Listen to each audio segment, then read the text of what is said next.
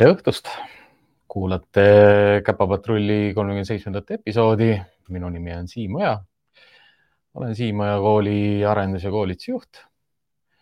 ja tänases osas siis äh, loodan, et meil tekib piisavalt palju vaatajaid.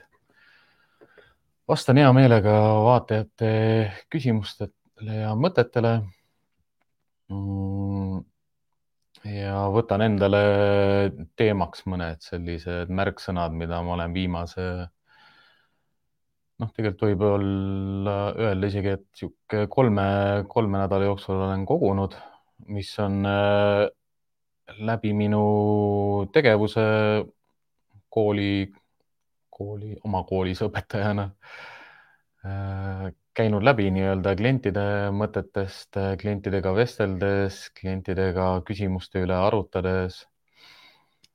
ja selle jooksul ka nagu mitme sellise mõtteni, avastuseni või ka väljaöelduni või välja kirjutatuni jõudnud kus ma ka iseenda nagu mõtteid olen saanud korrastada või, või, või uuendada Need äh, märksõnad, mis ma endale kirja panin, on äh, ühest, ühest küljest nagu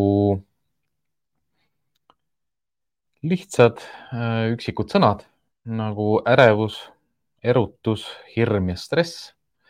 stressist ma olen Käpapatrulli podcastis ka varem vist isegi kahes saates rääkinud pikemalt täna ma puudutan äh, stressi rohkem kui sellise nagu terminina, mida ma kasutan aeg-ajalt lihtsalt äh, äh, selliste nagu käitumismustrite selgituse põhjendusena. ehk siis kui, kui vaatajatel otseselt nagu küsimusi ei ole, siis ma arutan niisuguste kindlate teemade üle nagu hirmuagressioon, mida teatakse ka kui argagressiivsus. ja kaks sellist äh, sellest noh, kõrvalseisvat või eraldiseisvat või ka tegelikult seotud teemat, mis on eraldumisärevus ja rihma reaktiivsus või siis reaktiivsus rihmas. Mm, kus see hirmuagressiooni teema nagu tuli päevakorda, oli siis, kui ma eelmine nädal sain mm, Pedro Boeli intervjueerida ja üks vaataja küsimus oli seoses äh, ärevuse ja argagressiooniga, et kas seda on võimalik nagu koertest välja võtta, noh, ütlemegi niimoodi jutumärkides nagu, et, et äh, välja juurida või välja võtta, jah. ja Pedro vastus mulle väga meeldis, et noh, ega noh, konkreetselt saabki öelda, et ega sa ju tegelikult midagi koerast välja ei võta. koerad sünnivad siia maailma kindla pagasiga. Äh, nad on kindlat tõugu, nad on kindlast soost, emased või isased. ja nad on kindlast liigist. Äh, ja see noh, liik on koerad, kiskjad. Mm, ja igas, igas koera tõus ja igas äh, koeras on, on rohkem või vähem ühte, teist kui ka kolmandat, ütleme, et see üks võiks olla erinevad instinktid. Mitte selles kontekstis, et, et koertel on erinevad instinktid erinevatel koertel, vaid nende instinktide tugevus on erinev. Või noh, ütleme intensiivsus. koerte koolitajana lihtsalt sa nagu jälgidki seda, et kui tugevad on mingid instinktid. mida me selle all mõtleme või mida me jälgime, ongi see, et näiteks kui tugev on saagiinstinkt. Sellest, kui tugev on saagiinstinkt, oleneb väga palju tegelikult koera käitumises erinevad käitumismustrid, kaasa arvatud see, et kui kiiresti ta erutub. samamoodi, et kui kiiresti ta läheb stressi ja samamoodi ka, kui kiiresti tal ärevus tõuseb. mis, mis tegelikult omakorda noh tõstab ka stressi ja ka stressist peabki aru saama sellest, et, on positiivne stress ja on negatiivne stress. Aga kui me räägime sellisest erutusest, ärevusest ja siis me räägime ikkagi posi-, pigem positiivsest stressist, sest ütleme, saagi instinkt kui me jälle lähme sinna täitsa lause algusesse tagasi või selle mõtte algusesse tagasi, siis saagiinstinkt on ikkagi midagi sellist, mis koeras tekitab heaolutunnet või peaks tekitama või on looduse poolt loodud sellise, sellise mehhanismina. näiteks kui noh, koer elab looduses, ta näeb väikest looma, kes jookseb, põgeneb, horisontaalselt liigub, koer näeb teravalt. ta hakkab teda taga ajama just sellepärast, et ta on põgeneja loom, noh mida siin on see mõte ka, et, et mida ma alati kasside ja koerte vahel toon, et ega koerad ja kassid saaksid väga hästi läbi, kui nad äh, õpiksid üksteist ja saaksid üksteist lähemalt tundma õppida, ehk siis tunnetada üksteise energiat või tunnetada üksteise lõhna, mõista üksteise sellist olemust, liikumist, kuidas nad on, ongi see, et kass on ju põgeneja loom ja koer on jälitaja loom. koer jääb aegade lõpuni jääb jälitaja loomaks et koer ei ole põgenejaloom. Äh, koertel nagu kõikidel teistel loomadel on jah olemas sellised asjad nagu, et põgenen, väldin, ründan, alistun või siis noh, inglise keeles hästi populaarselt väljendatav nagu fight flight ehk siis kas ma põgenen või, või ründan. et äh, kuna neil on see saagiinstinkt olemas, see mehhanism, millega saaki reguleerida, kuidas see mõjutab tema ärevust, erutust või noh, ja läbi selle stressireaktsioone, see olenebki hästi palju sellest, et millega ta siia maailma sündis, kes ta on, kui palju tal seda on? Justkui nagu noh, võite võtta vabalt sellise ühest kümneni skaala ja siis äh, hakata paigutama koera sellele ühest kümneni skaalale, et kui tugev ta saagiinstinkt on. noh, kui sa koeraga tahad võistlustel osaleda, koera treenida, koeraga teenistuses töötada, siis äh, igal juhul sa tahad endale koera, kelle saagiinstinkt on kümme. aga ütleme niimoodi keskmiselt pigem on, on ka teenistuskoerte saak nagu üheksa, kaheksa, üheksa, seitse, kaheksa, üheksa. et ütleme niisugust kümmet. Noh, ma ise panen juba seda sellisesse konteksti, et, et mida mina näinud olen nagu oma, oma tegevusaja jooksul olen ma, noh, minu kümme, minu kümme ei ole sama, mis on äh, ma ei tea, jäljekoera koolitaja kümme, minu kümme ei ole sama, mis on näitusekoera koolitaja kümme ja minu kümme ei ole sama, mis on näiteks, ma ei tea, kasvõi hüpokoerte kümme. et iga inimese jaoks, iga koera kontekstis võibki need kümned olla nagu erinevad. aga päeva lõpuks ikkagi see kogemus, mis sul on nagu erinevate koertega maailmas olnud markeerib nagu selle ära, äh, kas saagiinstinkt on tugev või ei ole tugev, kas saagiinstinkt on tugev või nõrk mm,. ja noh, jällegi noh, kui ma, kui ma praegu sellest räägin ka, siis mul tuleb nii palju asju meelde, kus ma kunagi õpetasin ühte viieaastast koera mängima. ja esmane, esmane kogemus on alati selles, et tal on hästi madal saagiinstinkt sest äh, sa võid ükspuha millega tal nina all vehkida, aga ta ei lähe, noh, ta ei erutu sellest, ta ei, tal ei teki mitte mingit ärevust, mitte mingit soovi liikuvaid asju nagu jälitada silmadega kasvõigi.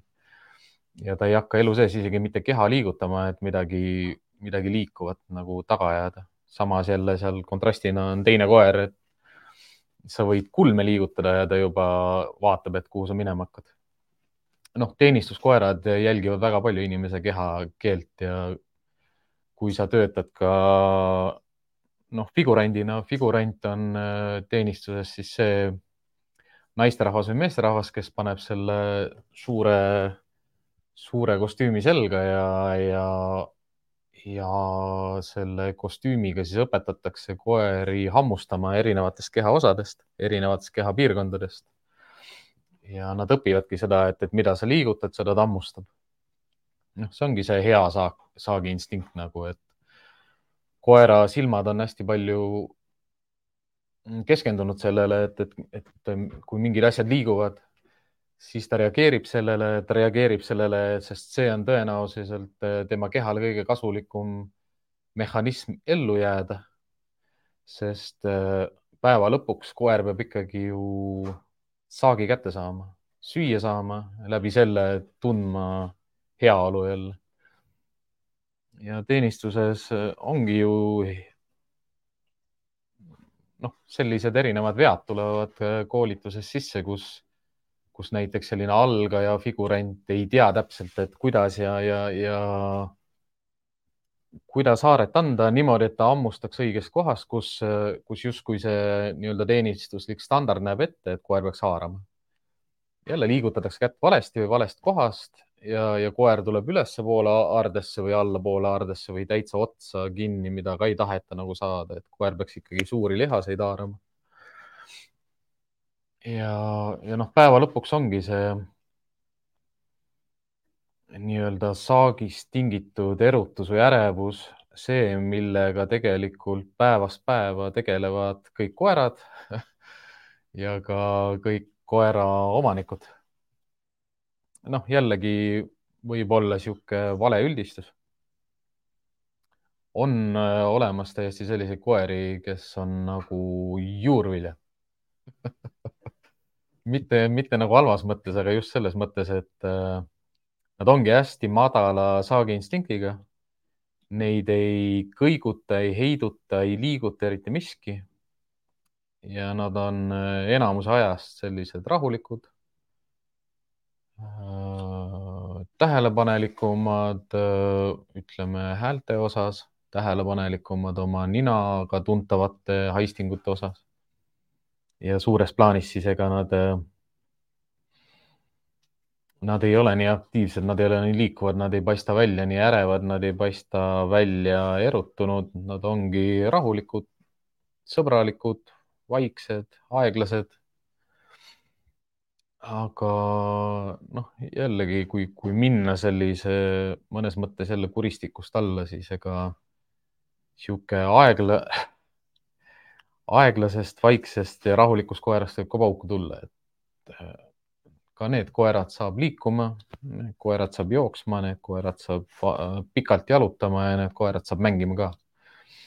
et siukseid äh, selliseid, issand jumal, noh, tuli üks teavitus kirjast, mõte jooksis kohe laiali. et siukseid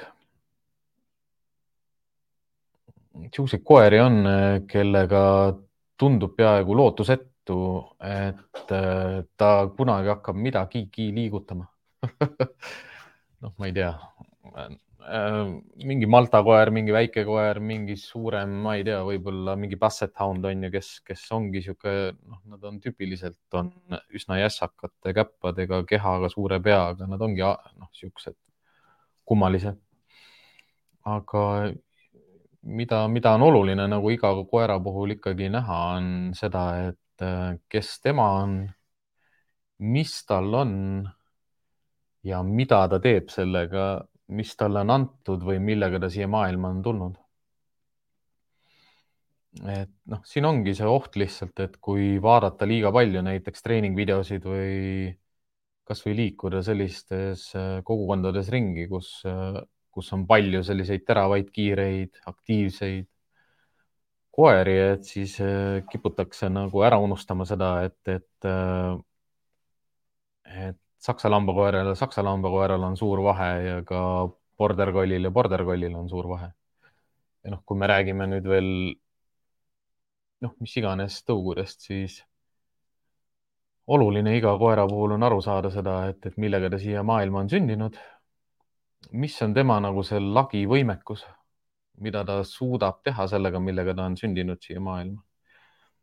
ja mis on ka minu nagu sellised, kui ka noh, koera koolitaja, koera hoidja, koera hooldaja, koera sõbra selline roll selle koera maailmas, arvestades seda, äh, millega ta siia sündinud on, olenemata sellest, mis tõugud on?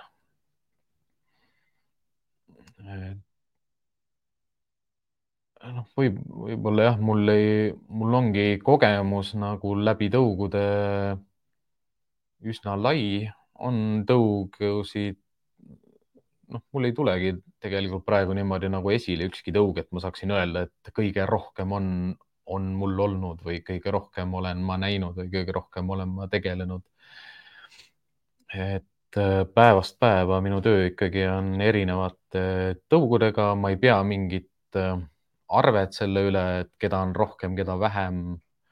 ma ei ole tähele pannud, et, et äh, mingit koeratõugu oleks rohkem või vähem. Äh, kindlasti teatud koeratõud liiguvad teatud piirkondades ringi, teatud kogukondades ringi. rohkem on esil seal, need treenerid ka näevad neid koeratõuge rohkem. Teenistuses on meil spanielid, retriiverid, saksa lambakoerad, Belgia lambakoerad, osad, mõni üksik Hollandi lambakoer ja kindlasti ei tohiks sinna ühtegi Šveitsi lambakoera ära eksida. see ei ole tänase vestluse teema aga tuletan meelde siis praegu kõikidele vaatajatele jah, et endiselt teie küsimused on äh, oodatud ja teretulnud.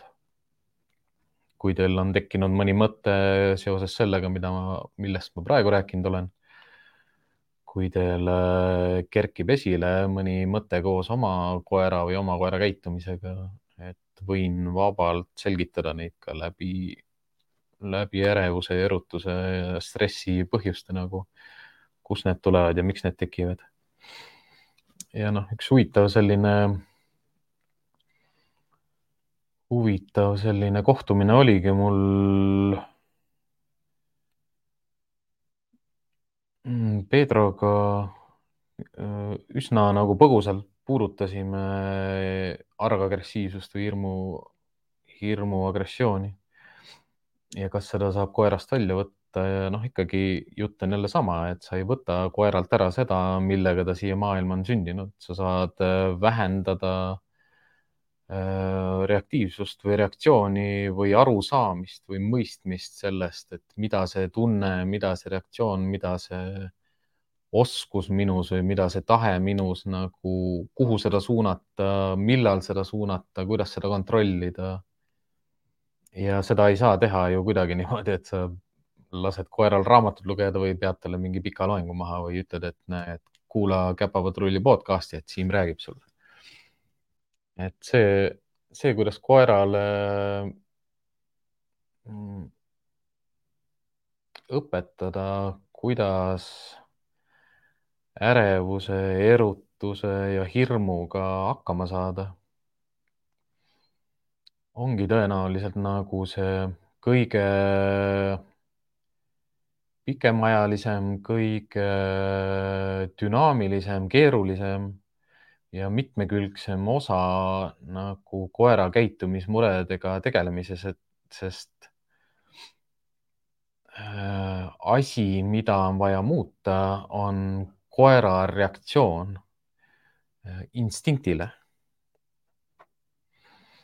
kui ma lähen uuesti selle noh, näiteks saagi, noh, saagi instinkti juurde tagasi, kui ta, kui koerad on äh, sellised teravad, kiired, äh, meeldib asju taga, taga ajada ja reageerivad kiiresti liikuvatele asjadele, siis sellest tingitud ärevus ja erutus põhjustab nii, nii stressi kui ka võib põhjustada ka hirmu.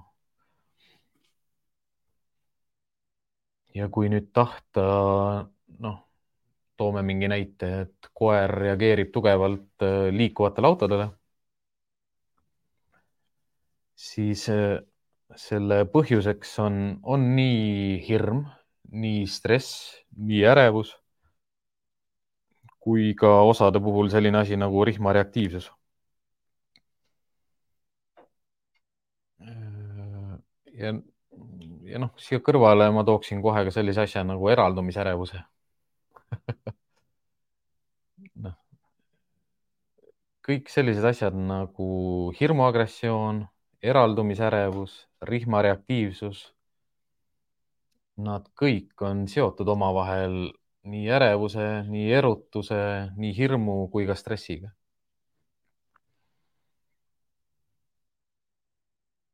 ja mis on kõige huvitavam, nagu ütleme, see kombinatsioon eh, nende reaktsioonide puhul ükspuha millises koeras ongi see, et eh, teatud reaktsiooni puhul võiva, võib see kogus nagu, kui palju koer tunneb erutust, kui palju koer tunneb ärevust, kui palju koer tunneb hirmu ja kui palju koer tajub stressi, varieeruda, vahetuda, koguneda, väheneda, vahe, noh, paralleelselt olla olemas ük, üksinda olla väga-väga tugevalt esil. Ja võivad ka kõik asjad koos olla. ehk siis noh, koeri, koera koolitus, koerte õppimisvõime,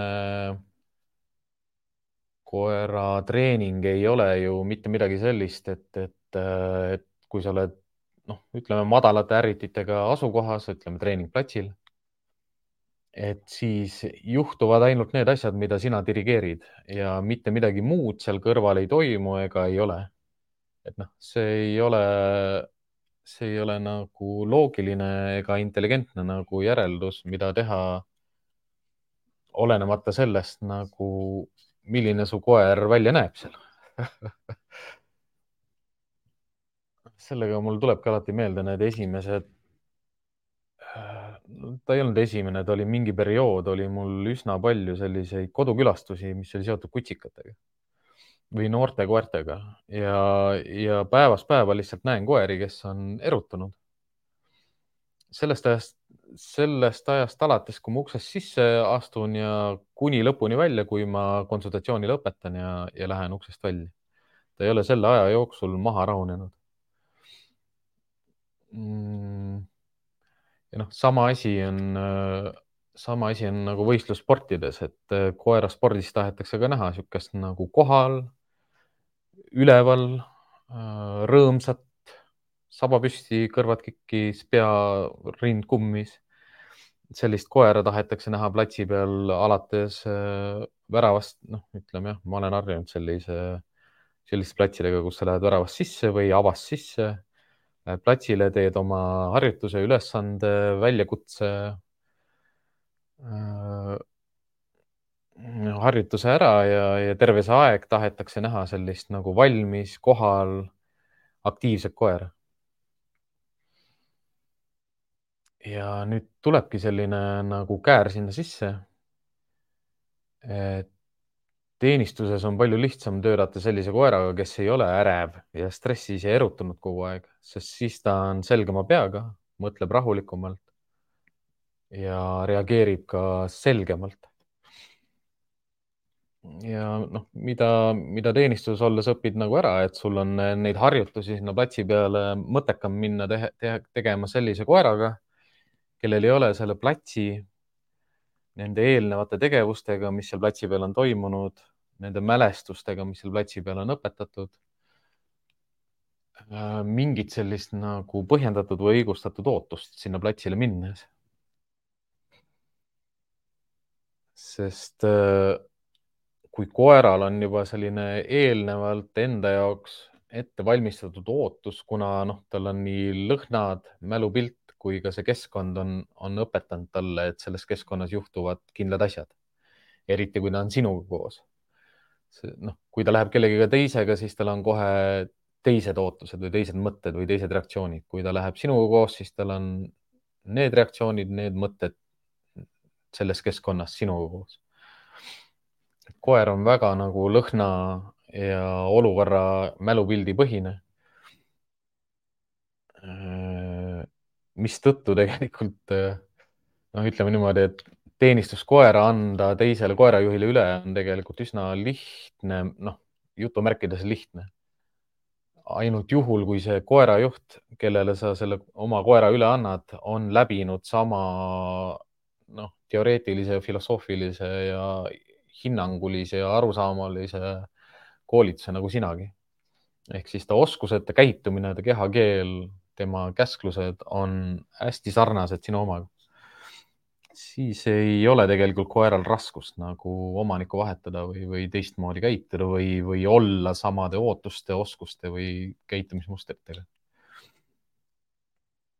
aga mis on oluline siis jah, nii nende kutsikate puhul, kes, kes kodudes on olnud kogu aeg erutunud ja ei suuda seisma jääda ja noh, mina tean, et ma oma teenistuskoera olen lihtsalt nagu õpetanud ja harjutanud olema erutunud ja, ja oskan kontrollida ja piirata tema, tema erutust. rasketes olukordades siis vahest nagu imestadki, et kuidas või noh, mis siin imestada on. noh, ütleme, et see dilemma ongi seal see, et, et kuidas inimesed ei suuda oma koeri kodus rahulikuna hoida kui sa näed, et ta on ärev, stressis ja hirmul või, või erutunud mis kõik on justkui sellised nagu stressiallikad või frustratsiooniallikad. ja inimesed teevad seda ju teadmatusest.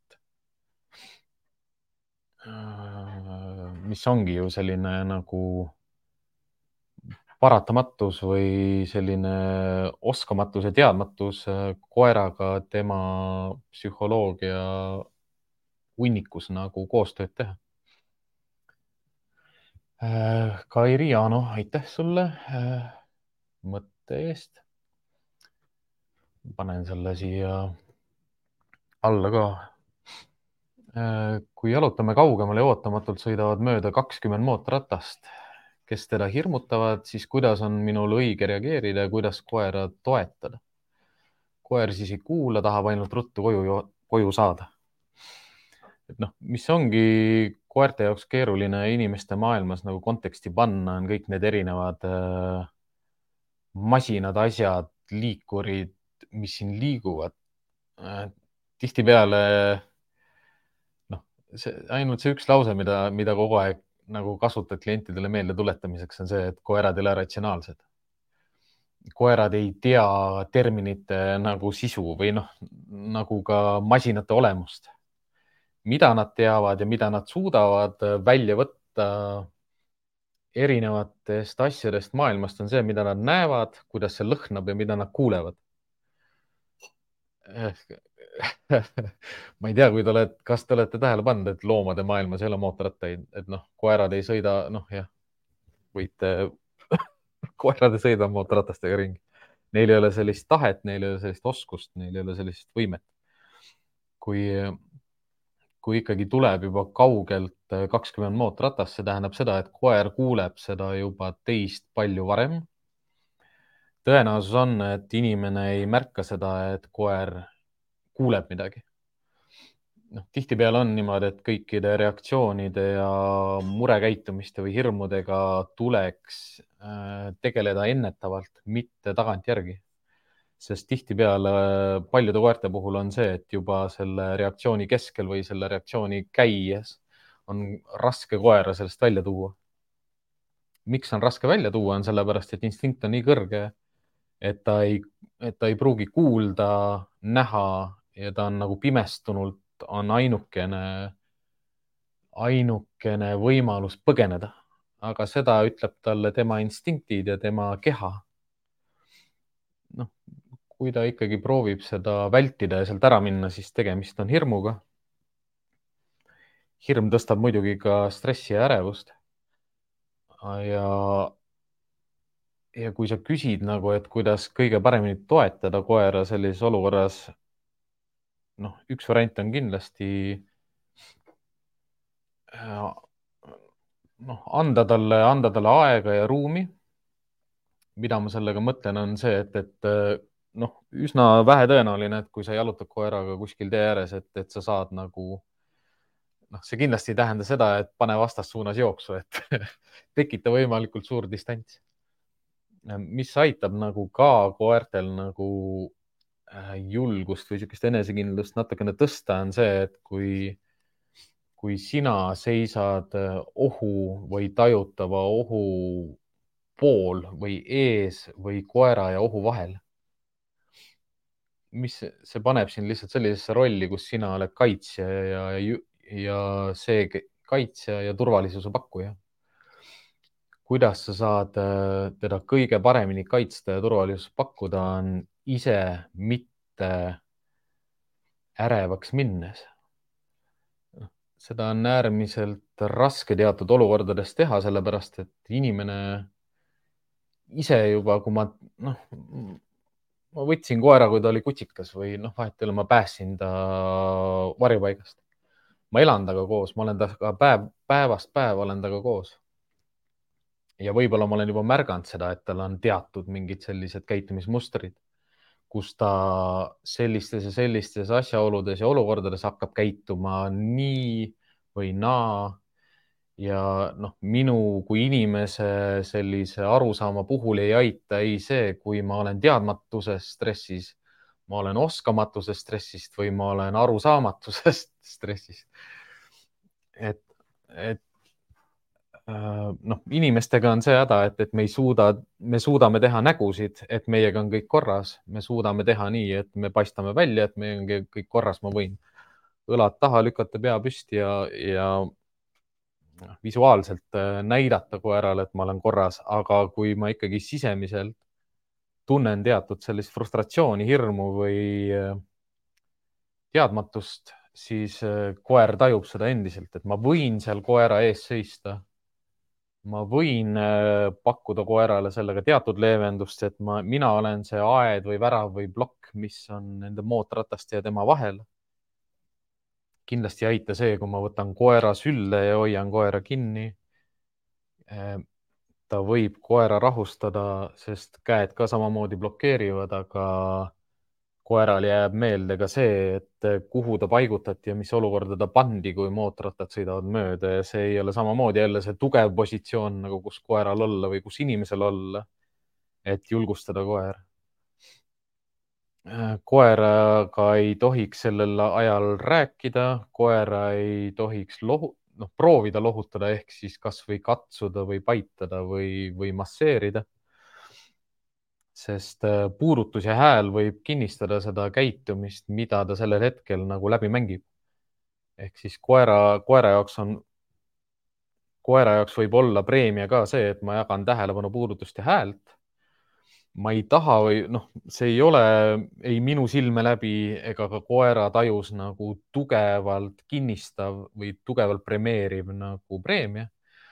aga ta on vaikselt premeeriv preemia ja koer varem või hiljem võib äh, harjuda, rahuneda, värisemist võib jääda vähemaks, värisemine võib jääda samaks aga päeva lõpuks ikkagi ta ei mõista mind inimesena selles olukorras kui rahuliku ja enesekindla karjaliikmena või siis nagu nii-öelda paarilisena, abilisena, mm, juhina, kaitsjana, turvalisuse pakkujana. Et noh, kolm, kolm, noh, paar sellist asja, mis peaksid nagu justkui sellel hetkel juhtuma, on see, et rihmapinge tuleb esimesel võimalusel maha saada.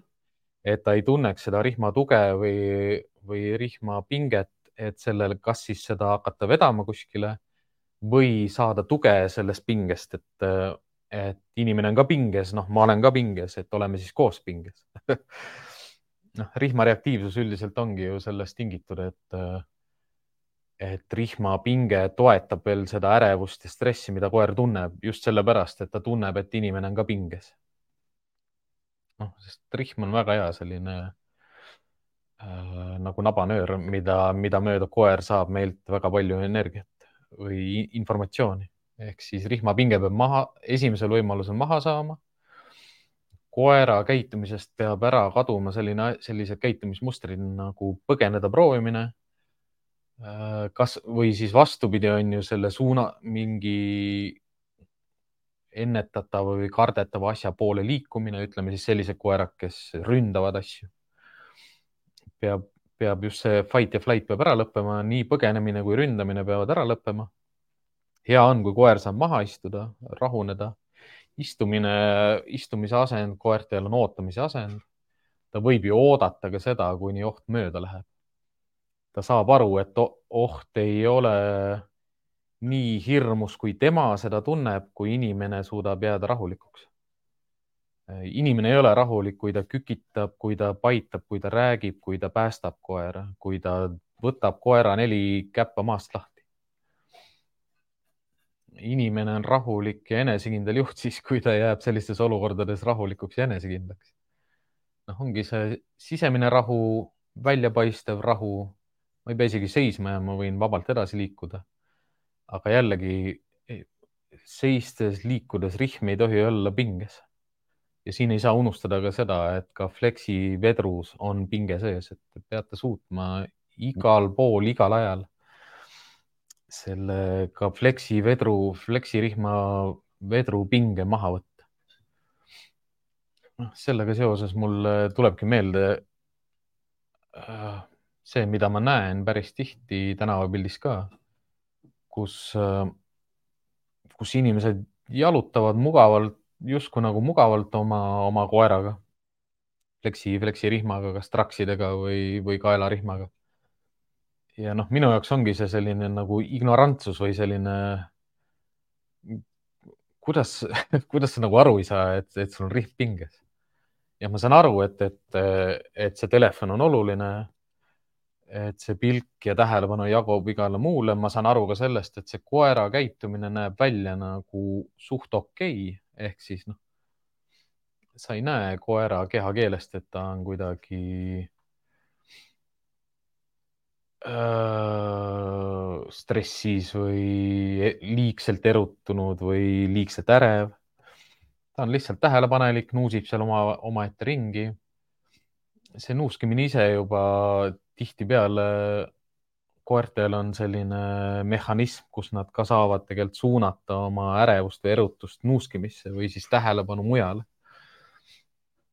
Noh, sellepärast ongi hea jalutuskäigul võtta sellised äh, asenduskäitumised koertelt ära, kus nad varjavad oma hirmu, erutust või ärevust nuuskimise, vedamise, tirimise, tõmbamisega kasvõi, kasvõi lihtsalt äh, sellepärast, et, äh, et näha oma koera nagu sellena, kes ta päriselt on. Noh, kui me jagame oma koerale selliseid signaale, olgu see siis, äh, olgu see siis fleksipingega, positsiooniga jalutuskäigul otsuste ja turvalisuse pakkujana oma positsioonil ja ta ei saa olla see, kelleks ta sündinud on.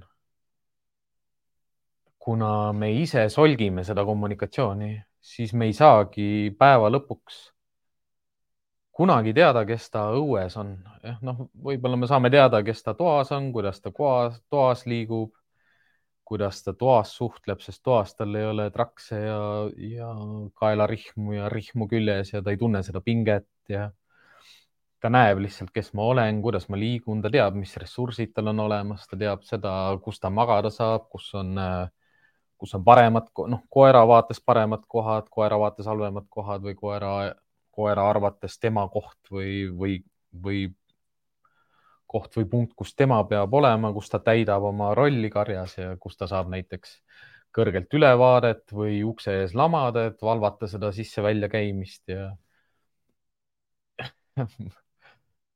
see ongi hea, kui sa, kui vahest jõuad mingite selliste äh, mõtete ja küsimuste puhul, mis ongi seotud, noh, vahet ei ole, kas see on kakskümmend mootorratast, kas see on äh, lasteaiarühm, kas see on rong, kas see on lennuk, kas see on ilutulestik, kas see on teine koer, kas see on mingi teine inimene, igal juhul nagu sa saad oma koerat, koera aidata sellega, kui koer mõistab sind kui rahu ja turvalisuse loojat, mitte ärevuse, ärevuse ja hirmu justkui sellist nagu noh, mina olen see loom siin maailmas, kes paneb sind enda ette, et sa otsustaksid minu eest, sest mina ei suuda otsustada. või et kui ma otsustan, siis mu otsused käivad alati läbi pinge, läbi pinge, mida ta tunneb rihmast nii, Enge jagab oma mõtet. Äh, teenistuskoeri antakse teistele koerajuhi, teisele koerajuhile, hobuseid treenitakse laias laastus ükskõik millisele ratsanikule. milline on kõige tõhusam koera käitumise parandamise variant? noh, kui te märkasite, kes vaatab videot, siis jah, mu see spotlight kustus ära aku sai tühjaks, halvasti planeeritud äh,. Nii ongi romantilisem. Oh.. Äh, teeniskoeri ei anta väga teistele koerajuhtidele, mina olen andnud, olen ühe oma teenistuskoera olen andnud kolmelapselisse perre äh, pensionile ja teise koera ma andsin teisele koerajuhile. ehk siis ma olen mõlemad oma teenistuskoerad ära andnud. Äh, see küsimus või murekoht koertega ongi see, et koer valib endale noh, niimoodi jutumärkides ema ja elukoha kaheteistkümnendal elunädalal. ja see inimene ja koht jäävad tema mällu väga tugevalt alles ja kui me räägime nagu professionaalselt koertega töötamisest, siis tõenäoliselt mingi selline keskmine eestlane ja, ja, ja lihtsalt võhik ei märka seda, et seal suhtes on midagi puudu. Noh, üks see kild on justkui see nagu viimane pusletükk, see on alati puudu, see jääb nagu aegade lõpuni puudu. kus ma seda näinud olen, palju on äh, minu esimene teenistuskoer, kelle ma sain pooleteistaastaselt noh, tema jaoks oli alati puudu see naisterahvas, kes teda koolitas esimesed poolteist aastat. Noh, mõnes mõttes, ega, ega koer ei mõtle seda niimoodi, et, et noh, oleks mul see naine. Aga sa saad aru ja sa näed seda, noh, ikka noh, mehed suhtlevad naistega, naised liiguvad selle koerajuhi noh, seltskondades, see, kuidas ta naistega käitub kuidas ta naise lõhna ja östrogeeniga nagu, kuidas ta reageerib, millised liigutused tal on, kuidas ta kehakeel muutub, milline ta pilk on. Ja ta, ta ju teenistuskoer oskab teha kõiki asju, sest noh, väljapoole paistab see, et ta oskab teha kõiki asju, sellepärast et kõik asjad, mida teenistuskoerad teevad, inimesed õpetavad neile tegema, noh, õpetavad neid seda tegema. Aga me ei õpeta teeniskoeri jah, ratsutama või noh, nii-öelda taluma seda, et inimesed on neil seljas.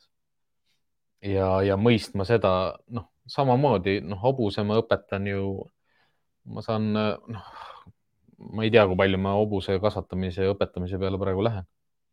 aga lihtsalt see, see mõte on sealsama, et hobune õpetatakse läbi klassikalise operantse tingimise täpselt samamoodi nagu igat looma saab õpetada harjuma sellega, mida inimene teeb ja kuidas inimene liigub ja, aga see inimene, kes, kes hobusega töötab, peab ka hobust mõistma sellepärast ka nagu inim-, see ongi nagu hea, et, et, et, et hobuse, hobuse koolitamine, treenimine ja kasvatamine võtab tohut-, võtab aastaid aega, ennem kui sa saad talle, noh, võib minna aastaid, enne kui sa saad talle selga ronida, kui sa üldse saad talle selga ronida. koerte puhul luuakse selliseid äh, udulosse nagu, et, et noh, neli kuud, kuus kuud ja noh, Äh, taevas on piiriks, no ei ole ma ei tea, see, see mõte lähebki nagu lappama, aga võtame selle Enge jätkutäpsustuse ka sellele mõttele, kas spetsialist õpetab ainult koera, ainult omanikku, mõlemaid koos või mõlemat eraldi? kui ma annan oma koera teisele koerajuhile, siis ma olen selle uue koerajuhiga vähemalt kaks kuud nagu sukk ja saabas ehk siis ma õpetan sellele inimesele, mida minu koer oskab. noh, see on justkui nagu noh, hobustega on sama, et, et hobuse lähed esimest korda ratsutama, keegi peab sulle seletama, et kuidas otsa ronida, mida päistega teha, kuidas kannustega töötada. aga koeraga on täpselt seesama, aga koerad on veel, veel kirjuma sellise nagu pagasiga, justkui sellise, noh, ütleme, et see kasutusjuhend on palju paksem raamat eriti teenistuskoerte puhul, sest see, sinna paksu raamatusse mahub nagu hästi palju väljundeid, mida see koer oskab teha ja kuidas ta midagi teeb. ja mida ta ei tee. noh, mida ta kindlasti ei tee, ei oska ja ei hakkagi kunagi tegema. sest see on võimatu, noh. noh, toome sellise võimatu näite ka lihtsalt see, et, et kus ma selle, selle mõtte nagu võtan, et mu koer on õpetatud inimest otsima hoonest ja inimest otsima maastikult.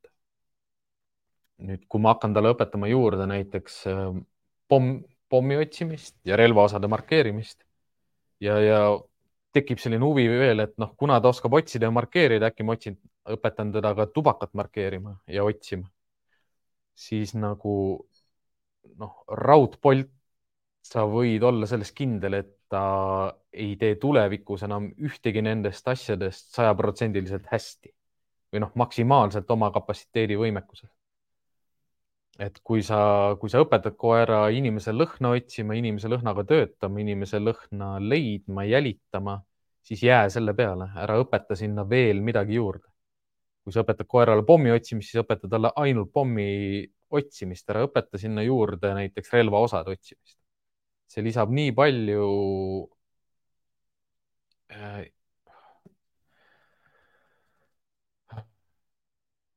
nii palju erinevaid kihte lihtsalt sinna juurde, et hästi lihtne sellest mõelda ongi niimoodi, et nagu väga hea koer, noh nagu superkoer suudab eristada kümmet erinevat lõhna, kümmet erinevat põhilõhna või aluslõhna.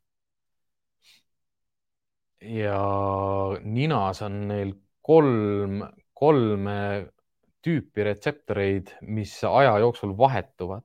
noh, ta on nagu närvirakk enam-vähem, ta ta sureb, kasvavad uued ja samamoodi, kui sa otsid inimesi või inimese lõhna, siis ka, ka see nina spetsialiseerub sellele lõhnale, sellepärast on ka jahikoertel oluline see, et, et noh, kes, kes otsib põtru, kes otsib kitsi, kes otsib rebaseid, ei ole niimoodi, et ta on, ta on selle, selle, selle, selle koer noh, võid teha niimoodi, sa võid õpetada niimoodi, sa võid pingutada niimoodi, sa võid koerale selle väljakutse esitada, sa võid selle koera täiesti ära lõhkuda ja stressi ajada sellest. ta teeb oma töö ära, ta võib selle töö ära teha sellest ka, et, et sellest ärevusest ja stressist lahti saada. siis ta teab, et kui ta kuulab su sõna, siis ta varsti noh, siis sa võtad sotsiaalse surve maha ja ja ta tegi oma töö ära, see, mida talt oodati. et aga spetsialist, äh, noh, mul ongi, minul endal, minu tegevuses on hästi oluline see, et ma õpetan inimesi. mida ma ütlen, on, et koeral ei ole vaja õpetada, kuidas koer olla. kui nüüd inimene saab teadlikumaks, oskuslikumaks ja muudab oma arusaamu ja hoiakuid, see konkreetselt inimene peab muutuma, et koer saaks muutuda kes siis veel nagu noh, koer inimese maailmas on nagu laps, nagu kolmeaastane laps, kellel on kogu aeg abi vaja. kellel on abi vaja, et süüa saada, kellel on abi vaja, et riidesse panna, kellel on abi vaja, et ma ei tea, mingeid siukseid emotsionaalseid probleeme lahendada, seletada, tutvustada, näidata, mitte, mitte nagu pikki monolooge maha pidada ja mitte raamatut lugeda ja mitte lasta raamatut pikalt lugeda, vaid näidata, näidata, juhtida, juhendada, pakkuda turvalisust, pakkuda armastust, pakkuda rõõmu, seda õnne, seda koos tegemist sa, sa võid ju koera niimoodi kõrvalt ka vaadata, et, et huvitav, kuhu ta jõuab, onju. et noh, ma ei tee temaga eriti midagi, aga noh, vaatame, kuhu ta jõuab, eks ta jõuabki sinna, kus ta koerana selles keskkonnas on.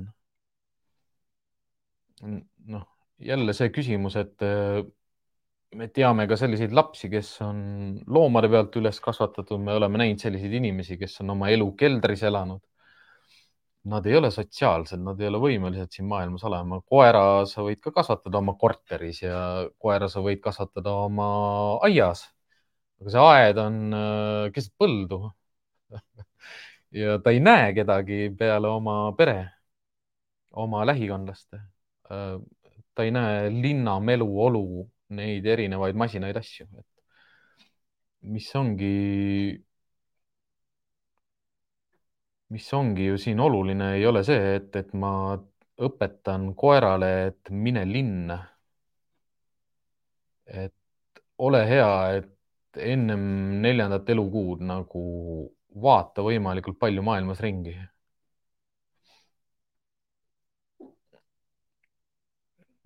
koerale ei ole siin midagi õpetada et õppida saab koer ainult koos inimesega või siis koos teiste koertega. aga noh, teine koer on vanem koer, teine koer on tema ema või isa või. ja nüüd on jälle küsimus, et kes seda koera õpetas, kes tema ema õpetas, kes tema isa õpetas. täitsa vabalt äh, võivad ju tean selliseid kasvatajaid, kes ei anna kutsikat ära ennem kui ta on pooleaastane. tean ka põhjust, miks nad seda teevad.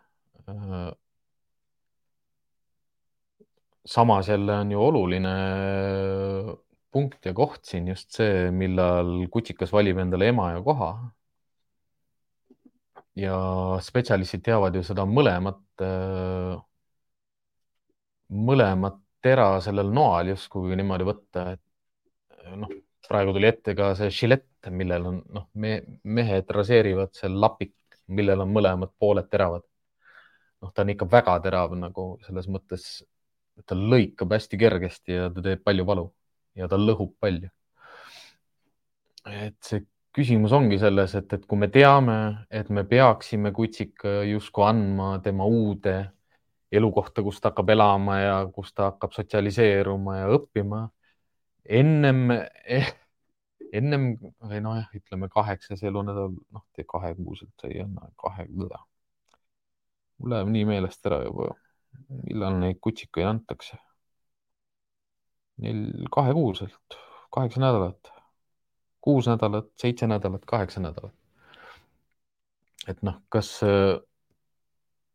kas ma võtan selle riski, et ma ei anna kutsikat varem ära ja vaatan, mis saab. või noh, ütleme okei okay,, noh, ma, ma kasvatajana võingi tegelikult ju muutuda nii professionaalselt kretin, kretinistlikuks, et, et ma usun, et kõik inimesed saavad noh, kuidagigi hakkama, sest mul on päris hea geneetikaga nagu ema ja isa. noh, tõenäosus on, et nad saavad nagu alla keskmise hakkama isegi siis, kui isegi siis, kui nad mm, käivad kutsikakoolis ja siis ka selle esimese raksu seal edasi jõudnutes ära. ja noh, see teine äärmus ongi see, et, et äh, ma annan koera alles pooleaastaselt ära, sest ma tahan näha, kes ta päriselt on pärast seda, kui tal on hambad ära vahetunud ja pärast seda, kui sotsiaalsed rollid on karjast paika logisenud, ehk siis ta on saanud oma oma ema, isa ja oma õdede-vendadega üles kasvada. Ja mina ise ei ole pidanud teda noh, nagu tohutult palju õpetama ja treenima, vaid ma lasengi tal lihtsalt oma väga targa isa ja oma väga targa ema ka üles kasvada, kes on sotsiaalselt erudeeritud. seda noh, selle mõttega ma jõuangi siit selle selle ühe mõtte peale, mis nagu tugevalt on igapäevaselt nagu käib kogu aeg mõtetest läbi, et, et, et seda ei. noh, on, on erinevaid videosid võib-olla internetis jah, kus, kus inimesed näevad nagu, et kuidas koerad äh, käituvad, noh, kuidas head koerad käituvad, kuidas koera emad käituvad kutsikatega kuidas koerte onud-tädid, kuidas nad suhtlevad kutsikatega. aga, ja noh, me oleme näinud ka, ma olen ise teinud selliseid karjajalutuskäike, kus koerad on, jalutavad karjas koos, aga inimese jaoks kaob sealt ära see jälgimise võime ütleme, noh, instruktorina vanglateenistuses varem, kui ma õpetasin laskmist ja enesekaitset, ma tean, et noh, mina ei suutnud väga hästi jälgida rohkem kui kolm inimest korraga, võib-olla kahte. Noh, keskenduda ühele, maksimaalselt viis, noh, neli, ma ei ütleks viis, viis on niisugune hea instruktor, kes, kelle võib-olla ka see stressitaluvus ja ärevus teatud sündmusi üles ehitades läbi viies on nii madal, et ta pilk on laiem, ta on rahulikum. ta jälgib, ta paneb tähele. Noh, laskmine ei ole ka just selline koht, kus sa nagu väga nagu uimane võid olla tähele panemata. seda enam, kui sa veel pead aitama inimesi. ja noh, see on, see on koertega töötades sama või koertega karjades töötades sama või, või koera jalutuskäigu, koerte grupi jalutuskäigud, kus sul on seitse kuni üksteist, kaksteist koera. et iga inimene, kes seal oma koeraga on, tema tähelepanu enamjaolt ikkagi jagub ainult oma koerale. Ja teine miinus on ju seal see, et kõikidel koertel on rihmad küljes. Ehk siis me ikkagi ei tea, mida nad ilma rihmata teeksid, kes nad on, kes nad päriselt on. noh, seda enam, kui nad jalutuskäigul ei käi lõdarihmaga, noh, ei käi niimoodi, et ta ei tea, et, et ta ei, teda ei kõiguta see, et tal rihm on küljes. teda ei mõjuta see, et tal on rihm küljes. Ja noh, sellepärast ongi minu jaoks oluline iga, iga karjajalutuskäigu puhul see soov, mis koolitusgrupil või koolitusrühmal on ja samamoodi see iseenda teadlikkus, mida kindlasti teha ei saa, mis on nagu võimatu selles keskkonnas nende koertega Pole ammu grupi jalutuskäiki teinud, aga noh, ma mäletan seda ka, et, et jalutuskäigu jooksul sa võid vabalt seal mõnel koeral lihtsalt rihma küljest ära võtta, sa näed ise ka, et see koer on sotsiaalne, ta oskab maailmas elada, tal ei ole vaja, et see rihm oleks tal küljes, eriti kui ta on meiega koos. noh, me selle, kui ta on selle karjaga koos, kui ta on nende inimeste ja koertega koos, kellega ta tunneb ennast hästi ja turvaliselt ja seal on absoluutselt selliseid koeri, kellel ei saaks mitte kunagi noh, lähiajal ei saaks rihma küljest ära võtta, sest äh, see on täiesti ettearvamatu, mida ta võib teha. ja noh, olen teinud ka selliseid grupi jalutuskäike, kus jalutuskäigu lõppsihtkoht on, on koerte aedik. ja koerte aedikus juba saab hakata jälgima koerte käitumist rohkem, aga, aga seal on niisugune inimeste ootus see, et noh, miks nad ei mängi või noh, miks nad juba ringi ei torma üksteist taga ja, või siis ütleme, see, see, see õnnetu ja hirmul koeraga, kes on oma omaniku, kes lamab oma omaniku all pingi, pingi all peidus teiste koerte eest, tema keskendub ainult oma koera hirmul ja mida ta saab teha selleks, et, et seda leevendada. isegi kui sa lähed nendega rääkima, nad on, nad on siis juba nii lukus. koera saab, koera saab äh, avada, noh, üsna kiiresti saab avada, kui, aga ainult juhul, kui sul on seal karjas veel teisi koeri, kes aitavad teda avada. noh, ta tuleb sealt äh, pingi alt kätte saada, rihm kaela, vaikselt õrnalt juhtida sealt alt välja, et ta, et tal see ärevus, erjutus ja stress ja hirm. Äh, noh, ütleme, et see hirm väheneks, see stress veel jääb, see ärevus jääb, see erutus jääb, võib-olla see erutust ei olegi, ongi see ärevus ja hirm ainult või ärevus ja stress mingil määral ja siis need asjad logisevad paika ja asjad liiguvad kiiresti ja siis ta saab järsku aru, et äh, noh, temaga ei juhtu midagi. ta tihtipeale on vaja omanik kuidagi ka, kas siis püsti saada, liigutada ta eemale seal on nii palju liikuvaid osi, et see ongi olnud siiamaani nagu väga raske selliseid olukordi tekitada. minus ei ole sellist enesekindlust ja julgust, et, et ma tahaksin seda ilmtingimata korrata, sellepärast et ma tean, mida inimesed suudavad teha, noh, eriti naised. Aga võtan Johanna, Johanna mõttesid. Äh, kuidas on kõige parem koeral maha rahuneda, kui on elevust tekitav faktor juures, nagu näiteks koer, laps? kas peaks laskma ise tal olukorraga toime tulla või peaks tähelepanu ümber juhtima? Äh, tähelepanu, noh, ütlemegi, ongi see üks äh, treeningmeetod, mida kasutatakse, mida ma ise olen ka kasutanud, äh, kus ma olen ka kasu näinud. aga samal ajal ma olen ka kõrvalt vaadanud ja lihtsalt sisimas naernud nagu, et päriselt ka või? Äh, ainukene koht, kus ma ümbersuunamist kasutan, on siis, kui kutsikad tahavad käte ja jalgadega mängida, et suunata kutsika käitumine millessegi, mis on nagu asjad, millega me mängime. Käte ja jalgadega me ei mängi, mängime nende asjadega. kui koeral on ärevus või erutus, noh, ongi lapsed, teine koer, ma ei tea, kasvõi lihtsalt naine, mees, äh, toit, siis selle ärevuse ka harjumiseks tasub jah, lasta koeral lihtsalt olla. noh, mida mida saab kasutada, on see, noh, ikkagi koer rihmastada. rihma, rihm pannakse koerale külge sellepärast, et ta ei teeks midagi valesti. Kui sa tahad koera õpetada ja, ja teda rahunema õpetada või mitte põgenema õpetada, mitte ründama õpetada, mitte erutuma õpetada või rahunema õpetada, siis ju ei saa ka lubada endale seda, et koer eksib või teeb selles olukorras midagi sellist, mida ma pärast enam mida ma pärast pean uuesti hakkama jälle tagasi võtma, ehk siis ma pean uuesti algusesse tagasi tulema. noh, mis treenimise juhul on ju oluline, on see, et, et ta ei ebaõnnestuks ehk siis neid õnnestumisi on vaja saada. kui on ja noh, ütlemegi, et nende elevust või erutust või ärritust tekitavate faktorite juures ongi oluline ju distants ja distantsi hoidmine, distantsi tekitamine ja distantsi vähendamine Äh, ja noh, oluline on veel see ka, et mis, mida see teeb, mille peale koer erutunud on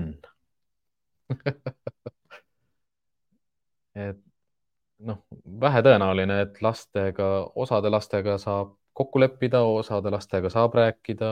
olen lasteaedades käinud koertega ja lastega saab rääkida siis paremini, kui nad on grupis. sest nad õpivad üksteiselt hästi kiiresti aga ütleme oma lapse pealt mõeldes, siis jah, ega seal seletad, noh, oleneb jah, kui suur või väike laps on. et ja noh, teine asi on ju koerad, et ega noh, niisugune hea näide ongi, et ma käisin äh, ühe kaup, see ei olnud Kaukaasia lambakoer, ta on lambakoer, aga ta on mingi Rumeenia või noh, ühesõnaga selline koer, kes on valvekoeraks aretatud ta haugub ja kaitseb oma kodu, noh, sest keegi teine ei kaitse. ja kui ta väljas käib, siis ta on agressiivne teiste koerte peale ja omanik kardab, et ta teeb midagi. noh, arvake ära, kas see, kas see koer tunneb läbi rihma, et omanik kardab, et ta teeb midagi, loomulikult ta tunneb. aga ma käisin selle koeraga jalutamas ja esimese kahe koeraga ta ei teinud mitte midagi, ta ühele koerale lausa pakkus mängu ja tahtis temaga mängida, aga see oli natukene ebatõenäoline, sest see teine koer oli mops ja, ja see, see lambakoer oli temast umbes nagu mingi viiskümmend korda suurem noh, miks ma seda räägin, ongi see, et, et kui me õpetame koera mingi segava või elevust või ärritust või hirmu tekitava faktori juures maha rahunema, siis on väga oluline see, et kelle või millega me õpetame teda seda esialgu tegema. noh, jälle tulen algusesse tagasi, kus ma rääkisin saaginstinkti tugevusest.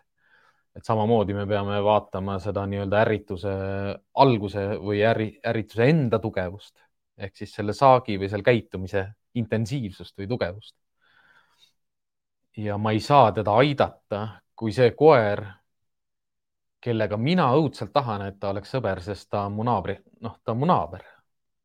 ja ma saan selle inimesega väga hästi läbi, ma tahan, et meie koerad oleksid sõbrad siis äh, tõenäoliselt ei ole võib-olla alustuseks see naabrikoer kõige parem variant, kellega hakata teda harjutama teiste koertega.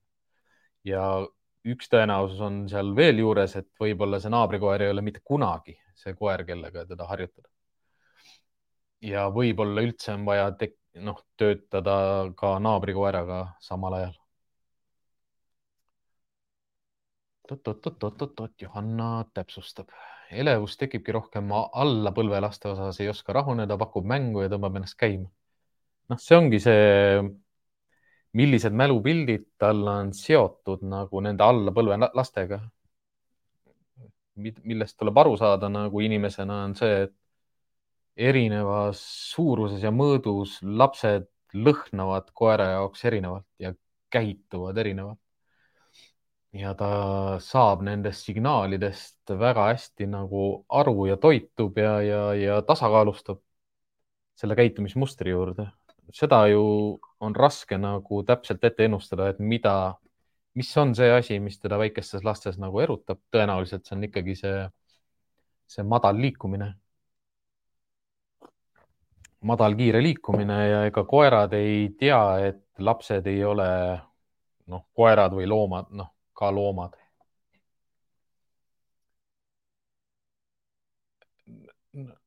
mängu, mängu erutust saab õpetada koeral kontrollima ka ise koeraga mängides.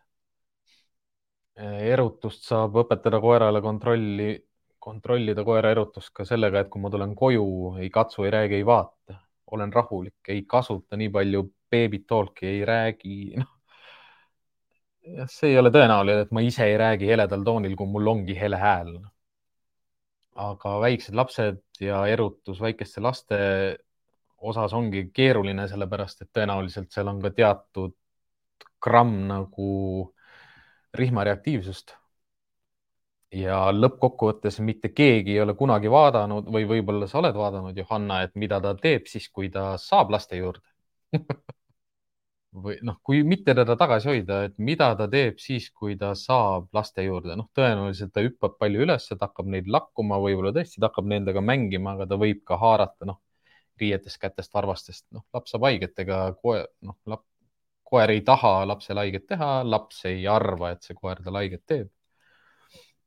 ja tõenäoliselt see on pigem nagu niisugune nagu õnnetus või kogemata aga ebaviisakus nagu sellistes olukordades ju tekibki sellepärast, et, et koer ei ole õpetatud sellistes kohtades maha rahunema. Aga mis aitab, ongi see, et noh, ma, mina ise käin koertega. noh, siiamaani ei ole veel kinni peetud, käin lasteaedade, lasteaedade juures lapsi vaatamas või noh, istumas ja vaatamas lihtsalt, mida nad teevad. ja sama, sama teema, mis oli eelnevalt nende autode või mootorratastega. et erutust tekkiva asja juures ei tohi olla rihmapinget, sest sa tahad näha, mida ta, mis valikuid ta teeb siis, kui kontroll puudub. noh, kui pinget ei ole. noh, samas, samad reeglid kehtivad.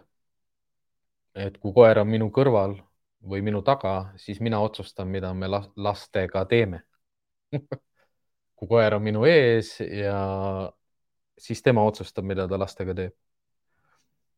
Muidugi tahaks nagu teada ka seda, et mida ta siis teeb. Mm, pildi pealt ma näen äh,. ei, see on ikka, ma ei saa pildi pealt aru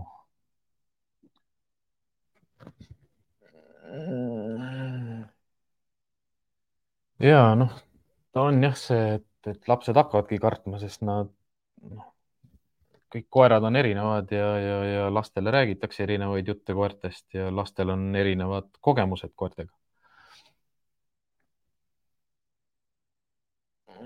ja noh, eks ta tahab siis lihtsalt mängida tihtipeale ma näen palju selliseid koeri, et, et inimesed ise arvavad, et, et, et siin on nagu nii palju pahandust ja nii palju hirmu ja nii palju agressiooni, aga mina, noh, ma näen kohe ära, et kõige rohkem, mida see koer nagu kahju saab teha, on see, et ta lakub kellegi surnuks, et no lihtsalt ülevoolavalt rõõmus ja, ja halvim, mis ta teha saab, on lihtsalt ilastada kellegi täis. noh, lapsed kukuvad pikali ja, ja siis koer ronib neile otsa ja siis ta mõtleb, et see mäng läheb edasi. ma, ma ei teeks siin äh, nagu suures pildis nagu mitte. Ahaa, siit, okei okay.. no Amstaffidega on natukene keerulisem ega Bostoni Terrieriga lihtsam ei ole. et üks on äh, Bostoni Terrier ja teine on American Staffordshire Terrier. mõlemad on terrierid noh, üldiselt tõenäoliselt ka siis nagu loomulikult kõrgema saagiinstinktiga või, või siis äh, saagi käitumisest, saagi käitumisega seotud mustritega. seitsmekuusel Amstaffil võib see täiesti üle minna. huvitav üldse, et ta seitsmekuusena veel niimoodi käitub aga Amstaff on teada-tuntud äh, nännitoog või siis lapsehoidja koer. Noh, muidugi meil on siin ajaloost ka teada, kui, kui see lapse hoidmine ei ole nii hästi läinud, aga see ei ole koera, see ei ole koera süü või koera tõusüü mm. Noh, seal ongi raske see, et, et sellise erutunud kutsika käitumise